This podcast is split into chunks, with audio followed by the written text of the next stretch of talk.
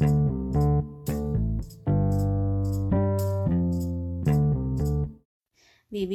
Bunda kok pusing gitu ya Bia beberapa hari terakhir ini? Pusing gimana bun?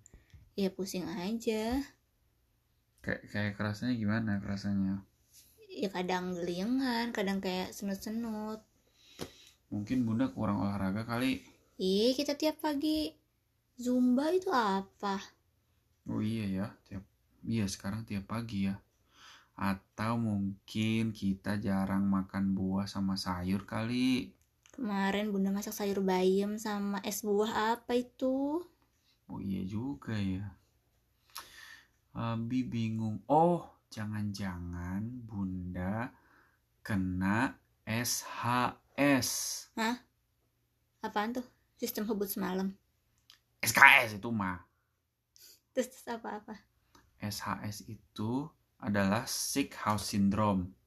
Tapi sebentar, Bunda selain pusing suka emosi gitu nggak? Ah, iya. Iya, tiap hari bocah-bocah. Kayak suka pengen apa banting-banting barang gitu nggak? Oh, tiap hari. Itu tandanya Bunda butuh rukiah. Edda, sembarangan rukyah. Assalamualaikum. Wow. Saha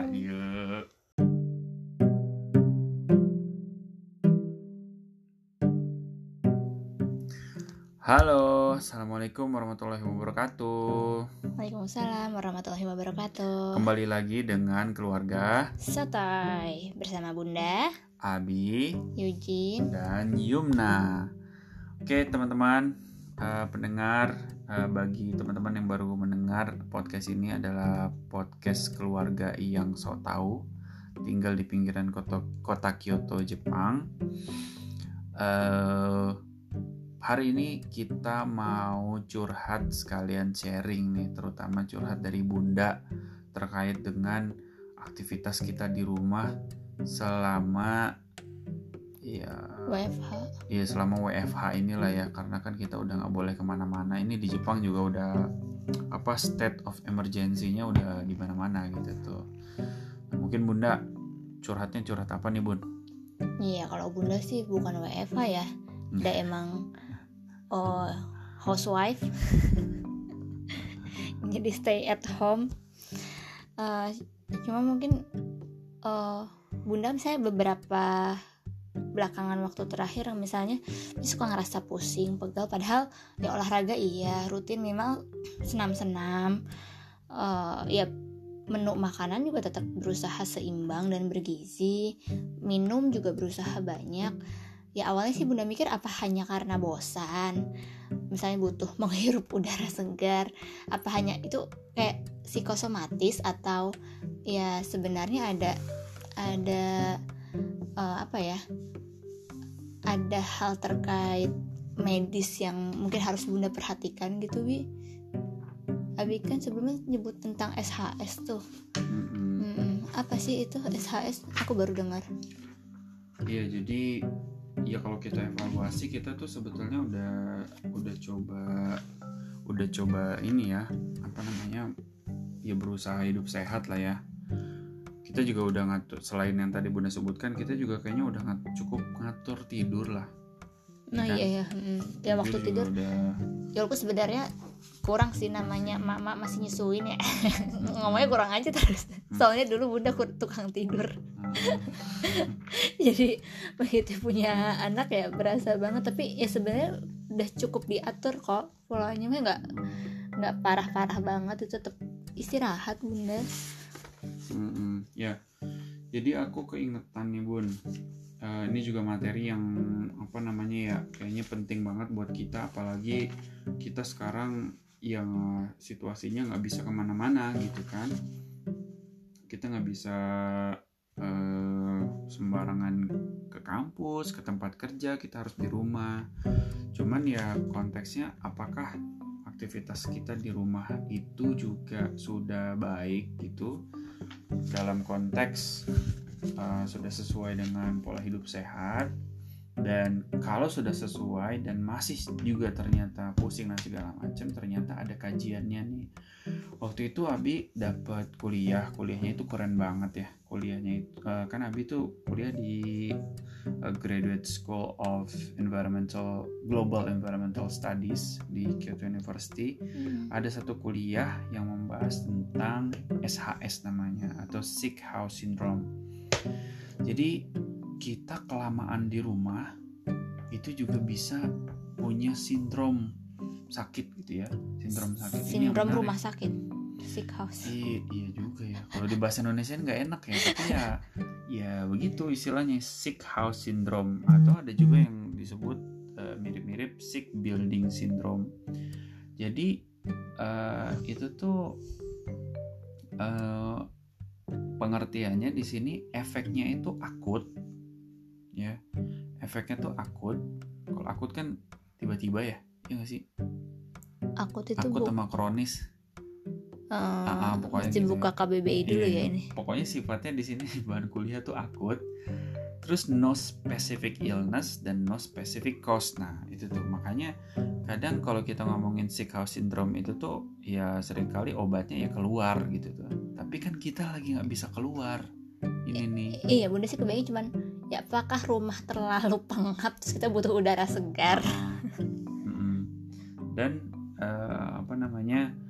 Ya itu juga yang menyebabkan sick house syndrome ini yang menyebabkan kebanyakan orang itu harus merenovasi rumahnya gitu tuh. Tapi kalau kita lagi lagi sekarang situasinya dilematis banget. Kita nggak bisa keluar, mau renov rumah juga lagi zaman kayak gini gimana, duit susah gitu kan, pendapatan kayak gimana, pokoknya bingung lah gitu tuh. Cuman pengertian sederhananya itu adalah sindrom eh, SHS ini adalah rangkaian gejala atau symptoms yang terjadi yang disebabkan menghabiskan terlalu banyak waktu di rumah. nah nah bunda termasuk tuh gejala pusing-pusing So pasti, bunda kan di rumah mulu. kalau marah-marah? Marah-marah. Iya kan tadi Abi udah rupiah ya bunda bereaksi. Kayaknya perlu kita lanjutin deh. Nah beberapa simptomnya itu adalah pusing, terus kemudian kayak hidung hidung itu tuh apa ya kayak kayak perih gitu tuh kayak perih. Terus kemudian mata mata juga gatal seperti ya panas kayak gitu tuh sering bersin.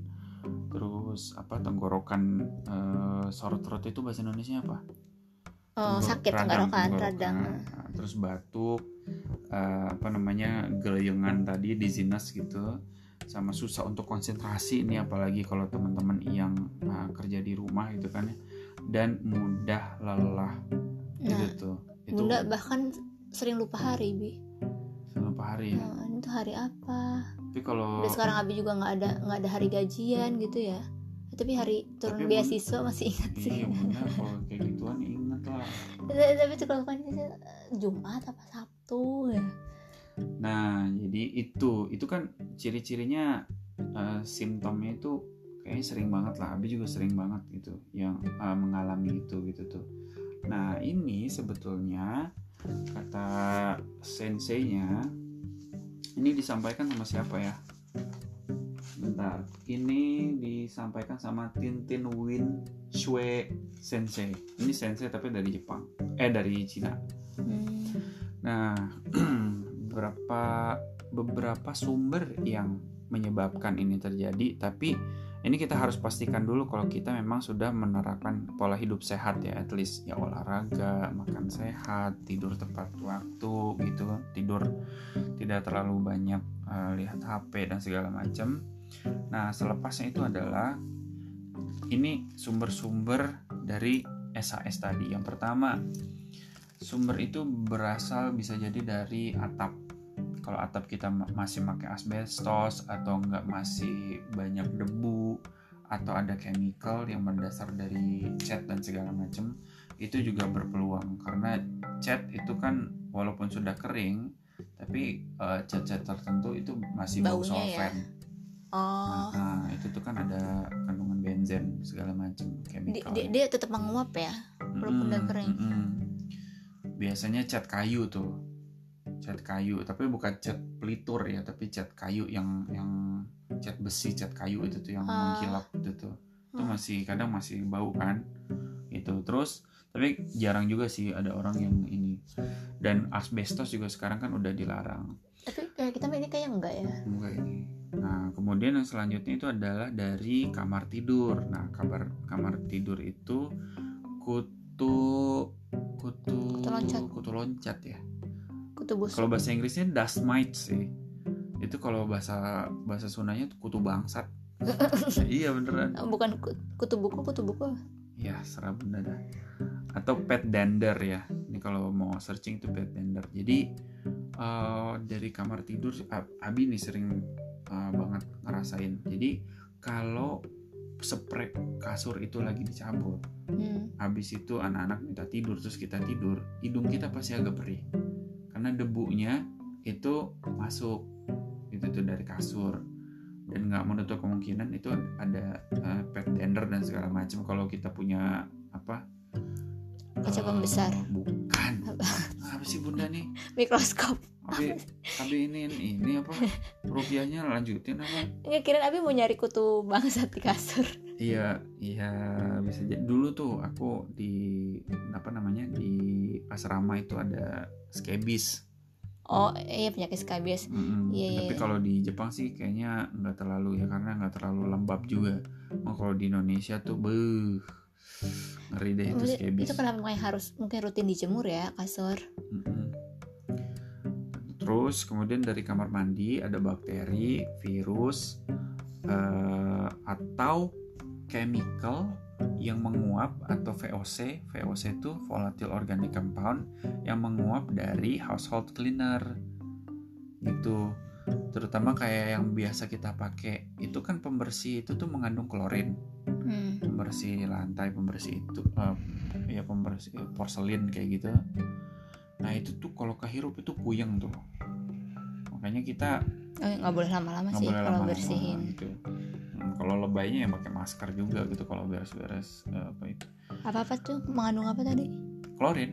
Oh kalau klorin. oh iya klorin bahaya. menguap puyeng aku belajar sih itu SMA Hmm. klorin. Terus kemudian dari dapur itu dari dapur itu ada asap-asap dari ya apa namanya dari masak. Apalagi kalau misalkan kita masih pakai eh, apa namanya eh, bahan bakar yang mengandung biomas gitu tuh.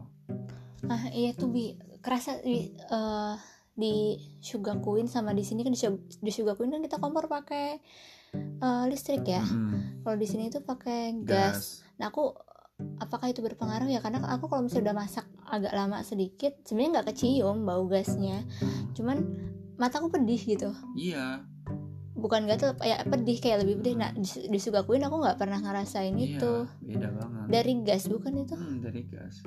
Gitu. Karena kan tetap ada waduh. tetap ada uap hasil bakarnya. Walaupun itu memang udah apa namanya eh, liquid petroleum gas.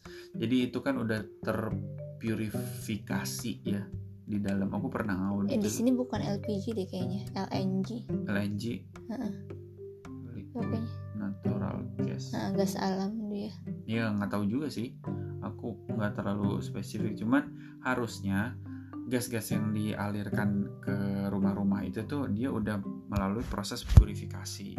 Hmm. jadi tidak ada kandungan-kandungan lain yang menjadi residu kalau uh, setelah terbakar. Karena itu juga berbahaya tapi tetap aja pasti ada bedanya antara kita punya pakai uh, kompor listrik sama kompor gas gitu tuh nah antisipasinya kira-kira gimana ya? Ya exhaustnya harus kenceng harusnya selalu Oh. on gitu tuh. Terus ya kita juga harus ngatur jangan kelamaan uh, apa namanya menggunakan kompor lama-lama kayak gitu tuh. Atau aku masak harusnya pakai apa ya deh ya boleh deh. Serah bunda pakai helm kayak kalian.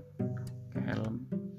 Terus dari living room kamar apa ruang keluarga itu dari furniture ternyata furniture kalau kayu itu kalau lembab itu juga jadi sumber bun.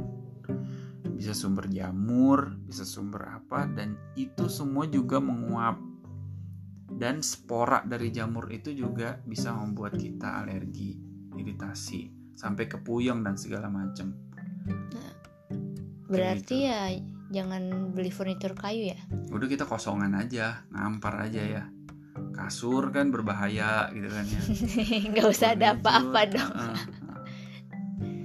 ya kita berserah diri aja sama Allah kita ke IKEA ada IKEA-nya. Oke Ya, dia bukan kayu kan Dia udah udah. Ini nih alasan nih. Alasan mulu ibu-ibu pengen belanja. Nah di antaranya chemical chemical atau ya bahan-bahan atau sumber-sumbernya eh, yang tadi disebutkan itu kalau kita ngomongin eh, aspek-aspeknya atau benda-bendanya. Yang pertama adalah gas. Pastikan gas itu tidak eh, sumber-sumber gas itu ya kita tahu gitu lah. Kalau di rumah ini sumber gas ya cuma dari untuk masak doang kan. Sama Mm-mm. Ovoro sama furo ya? Hmm. oke ah, sama furo nah terus kemudian solvent. Solvent itu ya yang terkandung di dalam ah, pembersih bahan-bahan pembersih cat thinner. Kita nggak ada kan di sini kan? Nggak ada. Oh solvent sama klorin itu tadi beda ya? Ya pembersih kamar mandi kan Ah, biasanya pokoknya klorin yang menguap VOC itu tuh VOC volatile organic compound. Hmm. terus kemudian eh, ini nih apa namanya? Ya kutu-kutu tadi yang ada di debu-debu yang ada di kasur dan segala macem. Hmm. Terus dari metal. Kalau metal sih kayaknya agak ekstrim deh kita nggak ada. Kita rata-rata di sini kayu ya. Hmm. cuman kalau teman-teman mungkin di rumahnya itu ada banyak kayak besi dan segala macem. Eh kayaknya sih kalau sih pagar tangga gitu kan ya kalau Enggak, tapi kalau di sini disebut yang berbahaya kan arsenik, lead, mangan, eh, timah sama merkuri. Yang jelas nggak nggak ada lah kita mayoritas di barang-barang di rumah tuh nggak ada kayak begituan kan. itu kan biasanya suka ada di make up tuh merkuri Kan nggak boleh sekarang mah. Kayak make upnya gitu. mama Jadi eh, itu ternyata sumber-sumbernya. Nah, terus kemudian ada lagi nih hal penting nih yang juga dibilangin di kuliahnya itu eh, gimana caranya supaya kita terhindar atau apa yang harusnya kita lakukan dan apa yang tidak boleh kita lakukan. nah itu bunda perlu banget tahu. Hmm, sebentar nih aku udah lama nih. Apa namanya? Kuliahnya tahun lalu. Oh ini nih. Nah yang pertama adalah kita harus pastikan bahan-bahan kimia yang kita gunakan itu tidak tercampur penyimpanannya. Eh ini apa nih? Dus. ya dus ya dus yang harus kita lakukan do's and don'ts pertama kita bahas dus dulu Hmm. Nah, Bunda pastikan bahwa bahan-bahan kimia itu tersimpan jauh dari bahan makanan. Karena eh kita gimana? Kan masih agak deket ya? bukan deket bersebelahan itu pewangi deterjen sebelahnya minyak garam gula Pisahin pisahin Bun nanti habis ini ya. Nih. kenapa sih itu kan eh, sebenarnya kan tertutup di botol masing-masing emang apa sih menguap atau apa Ya tetap ada resiko Bun. Kalau misalkan ada rilis, si itu kan ada semprotan, tetap ada ada ada bolongan kan. Kalau itunya nguap dia keluar, terus ya yang namanya orang risiko imajinasinya harus tinggi gitu. Tapi ya lebih ya baik. kebayang sih aku resiko ngambil kotak deterjen aja ah tiba-tiba tumpah di bawahnya Hmm, sayur nah. bayam Nah kan wak mau banget kalau kayak gini masa kita makan bayam ada busanya gitu. kan gak asik Inovasi. banget. Terus eh, kalau bisa nih, tapi ini sih sebetulnya nggak nggak terlalu perlu ya. Dia bilang labeling semua chemical dengan jelas. eh, itu penting sih Iya, tapi kan di dalam chemical yang rata-rata kita udah punya sebetulnya udah udah ada juga Iya labeling, kan. cuman nggak gede. ya kan dia udah ada namanya ya mungkin ini kalau untuk yang botol-botol tanpa nama kita nggak ada juga sih. Nah mungkin te- teman-teman kalau di rumah yang lain tuh kayak gimana ya biasanya ya, Ba- tanpa nama. Hmm, kayak Kayak kalau- waktu itu sih yang aku belajar konmari itu yang diajarin sama Aang misalnya kita beli pembersih lantai yang isi ulang Hmm. atau ya deterjen yang isi ulang kan kita Hmm. masukin ke botol bekas aqua Mm-mm. itu pasti tanpa label kan Mm-mm. itu harus kita namain pakai Ah, iya, spidol iya, minimal iya, iya. ya kalau kalau ngirit-ngirit kismin kayak begitu tuh pakai merecycle botol ulang dan segala macam itu tuh ya itu perlu banget ya untuk di Eh, eh, jadi bukti aku kismin kita mesti ke IKEA ya beli botol Apaan? Ikea, Eh, tapi- buset beli botol doang ke Ikea. eh enggak bisa kayak botol-botol bumbu aja kan kita kalau beli di IKEA juga kan mereka kagak ada label-labelnya paling misalnya beda-beda warna itu kan tetap harus dilabelin kan Iya tapi kan nggak usah nyebut. Ikea juga bun nyindir atau gimana bun? Kita lagi kismin di sini bun. Kita itu dianggap sebagai kaum duafa di Jepang. Please, saya nyebut-nyebut Ikea lah.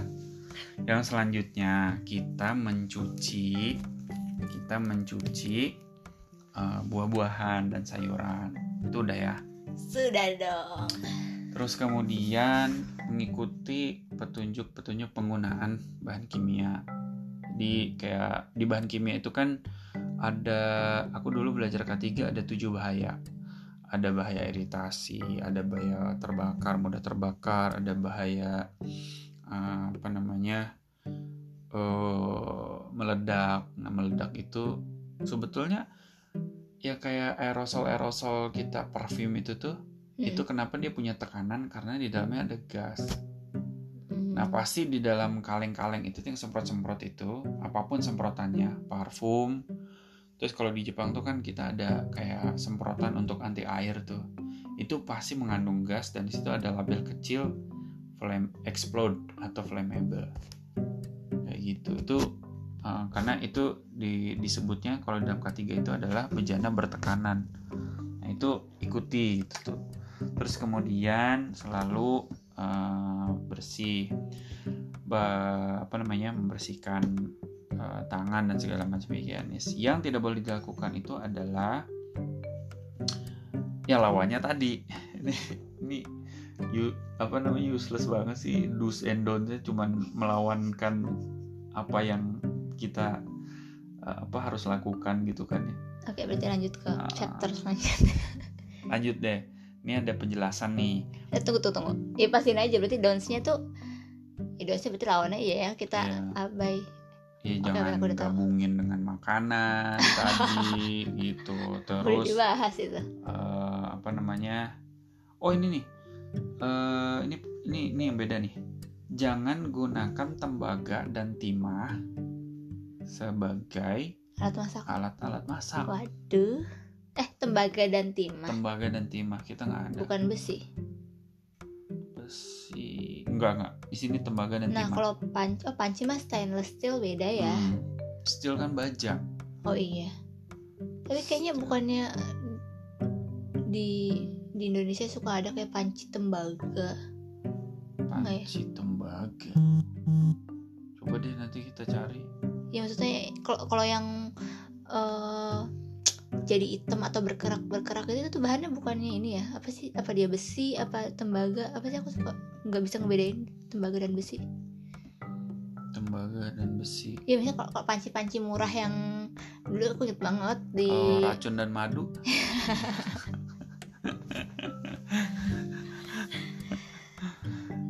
aku juga nggak nggak paham loh yang masalah metal metal begitu tuh. iya berarti nggak nggak bisa kita pakai panci murah kan Iya. Oke. oke sip. Terus kemudian eh ya itu sisanya tuh lawan dari yang tadi ya.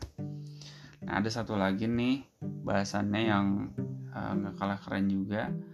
Jadi eh, beberapa cara untuk mencegah kalau tadi kan jangan dilakukan terhadap penggunaan kimia rata-rata ya.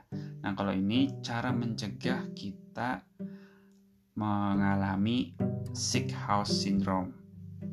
Yang pertama adalah eh, sebisa mungkin kita punya tanaman di dalam rumah. Itu. Tapi kita kayaknya hampir nggak mungkin ya, iya gara-gara bocah-bocah. aku punya tanaman dua pot aja taruh di teras hancur melulu eh tunggu lagian tanaman eh dulu kan aku dibilangin ya tanaman kan berfotosintesis tapi kan Hmm. dia kalau malam hari berrespirasi kan Mm-mm. justru malah nggak bagus kalau di dalam rumah dia kan kalau malam hari dia ngeluarin karbon dioksida kalau misalnya pagi siang hari dia ngeluarin oksigen Mm-mm. Ada penjelasannya nggak di situ masa ada sih pagi siang taruh di dalam terus misalnya malam harus kita keluarin gitu Hmm, ya juga ya. Bunda kok kritis banget sih? Aku lupa ma- materi beginian. Oke deh, nanti coba kita. Tapi ini kayaknya make sense juga sih. Rata-rata orang eh, kalau indoor eh, design itu kan suka pasti ada tanaman di dalam. Iya kalau misalnya di Ruangan. dalam misalnya gedung kayak gitu-gitu kan ya, ya ini misalnya acara emang pagi siang gitu kan emang uh, Hmm, dan kalau misalnya untuk jadi interior design gitu kan tuh biasanya gedung yang besar luas. Bunda kan magister landscape bun. Masa bunda nggak ngerti? Aku kan orang sipil teknik sipil teknik lingkungan. Mana ngerti aku tanaman begitu? Gimana sih bunda? Eh, ini makanya aku uh, sekalian nguji kedalaman ilmu abi juga. Hmm. kalau aku mau bisa bisa diatur atur kayak gitu tapi ini tuh barangkali ada penjelasannya gitu ini, kenapa? ini kuliah sekelebat doang bun aku oh ini bagus nih materinya buat bunda nih ibu rumah tangga. Apalagi sekarang kan work from home gitu kan. Aku sih nggak ngerti-ngerti amat. Kan kita sotoy Tapi iya bunda nggak boleh sotoy bun, karena kan bunda bidangnya emang itu. Oke lanjutin ya. Terus kemudian eliminasi eh, sumber-sumber eh, apa namanya eh, material-material yang tadi seperti VOC tadi, VOC volatile organic compound. Jadi bahan kimia, solvent, thinner, cat dan segala macam yang mudah menguap itu kita harus sebisa mungkin taruh di tempat yang aman. Kalau bisa ya yang sirkulasinya bagus juga gitu. Eh, jangan sampai nyampur sama yang lain apalagi makanan ya. Dan satu lagi tadi lupa di di di perinci ya. Molds molds itu semacam jamur atau bahasa Indonesianya kapang. Nah itu tuh terjadi kalau ya ada di situ ada bibit spora-spora gitu di daerah-daerah yang lembab. Nah itu tuh baunya tuh bikin puyeng gitu. Makanya perhatikan tuh di sudut-sudut, apalagi furniture-furniture kayu kita kalau di belakang-belakang itu kan biasanya kalau kita di Indonesia ada Hmm, ada bupet gitu ya, ada Mm-mm. kabinet gitu di belakangnya kan triplek. Iya. Nah kadang sering kalau- tuh kita jadi ah, suka. putih-putih misalkan gitu. kita pernah naro apa gelas. Gelasnya itu kan uh, apa air dingin. Habis itu ada mengembun gitu kan. Uh, airnya ke belakang belakang nah itu tuh Hmm. jadi lembab juga nanti si kayunya. Jadi mold di situ justru. Itu nggak bagus banget. Coba deh cek.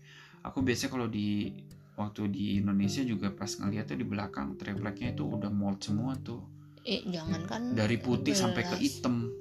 Iya iya kita Mm-mm. sering. Karena tingkat kelembaban kita di Indonesia tinggi kali ya.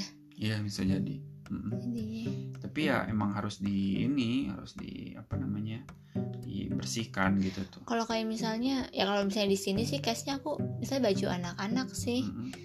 eh, suka ada tuh misalnya di baju atau celana yang itu molds nggak ya? Yang kayak hitam-hitam itu. hitam-hitam ah, bintik-bintik gitu. Dan Kayaknya itu ya nggak iya. nggak bisa hilang walaupun dicuci. Iya kayaknya iya tuh. Itu ini kali apa namanya disimpan nggak dicuci-cuci kelamaan. Bisa jadi maksudnya eh, sebelum dicuci dia udah kayak basah lembab temenku ya gitu bun ya dulu pas kuliah bun ya. Ada yang ngerendam pakaian bun. Dia lupa nggak dicuci bun.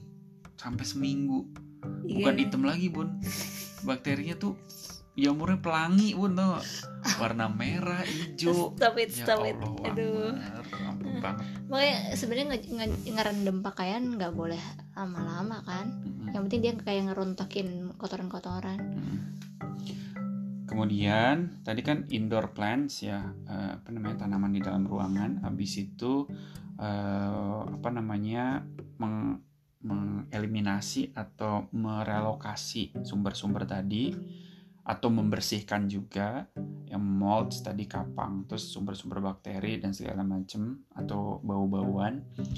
Yang selanjutnya pastinya adalah eh, meningkatkan kalau ini bahasa Inggrisnya increasing the number of air exchange. Jadi sirkulasi udara. Gitu aja pertukaran udara sirkulasi udara itu harus banget gitu kita itu rutin. sih yang aku kepikiran ah, pusing kayak butuh udara segar nih. Iya, iya juga sih. Ya, tapi maksudnya kalau cuma sekedar pertukaran eh harus bagus berarti ya Mm, sirkulasi ventilasi ya. Mm. oke terus sama eh, ini. Sama ini juga kalau ini tips dari kita juga kalau kita ini kita ya bukan dari dari eh, bahan kuliahnya itu adalah relay out rumah relay Gitu. out Eh, eh, jadi kita oh menata ulang menata ulang rumah. Jadi kita kalau misalkan ya bisa jadi itu eh, kita kayak ada unsur bosen juga tuh SHS itu. Tapi setelah kita eh, misalkan ini kabinet kok ditaruhnya di sini aja sih jogrok gitu tuh di pojok gitu coba digeser. Taunya setelah digeser itu sudut-sudut di baliknya tuh kotor banyak kapang segala macam. Kita bisa sekalian bersihin. Itu eh, bagus banget gitu tuh relay out. Jadi untuk uh, mencegah SHS salah satunya adalah relay out rumah kita juga gitu. oh iya iya make sense sih Hmm, jadi bukan cuma sekedar kita pengen suasana baru Oh, biar kelihatannya nggak itu itu aja tapi yang ngebersihin sudut-sudut yang nggak kejangkau sebelumnya ya hmm, hmm. Hmm, bener juga Oke. Ya itu eh, tipsnya biar kita nggak kena SHS karena SHS itu pasti rentan banget apalagi di masa-masa sekarang kita harus kerja di rumah, kita harus diem di rumah segala macem gitu kan ya. Mudah-mudahan tipsnya bermanfaat ya teman-teman ya. Amin. terima kasih juga Abi Oke, bagi teman-teman yang eh, ingin memberikan masukan, bisa kirim email ke gyogaswara@gmail.com. Sekali lagi ke gyogaswara@gmail.com. Sampai jumpa di episode selanjutnya. Assalamualaikum warahmatullahi Wabarakatuh.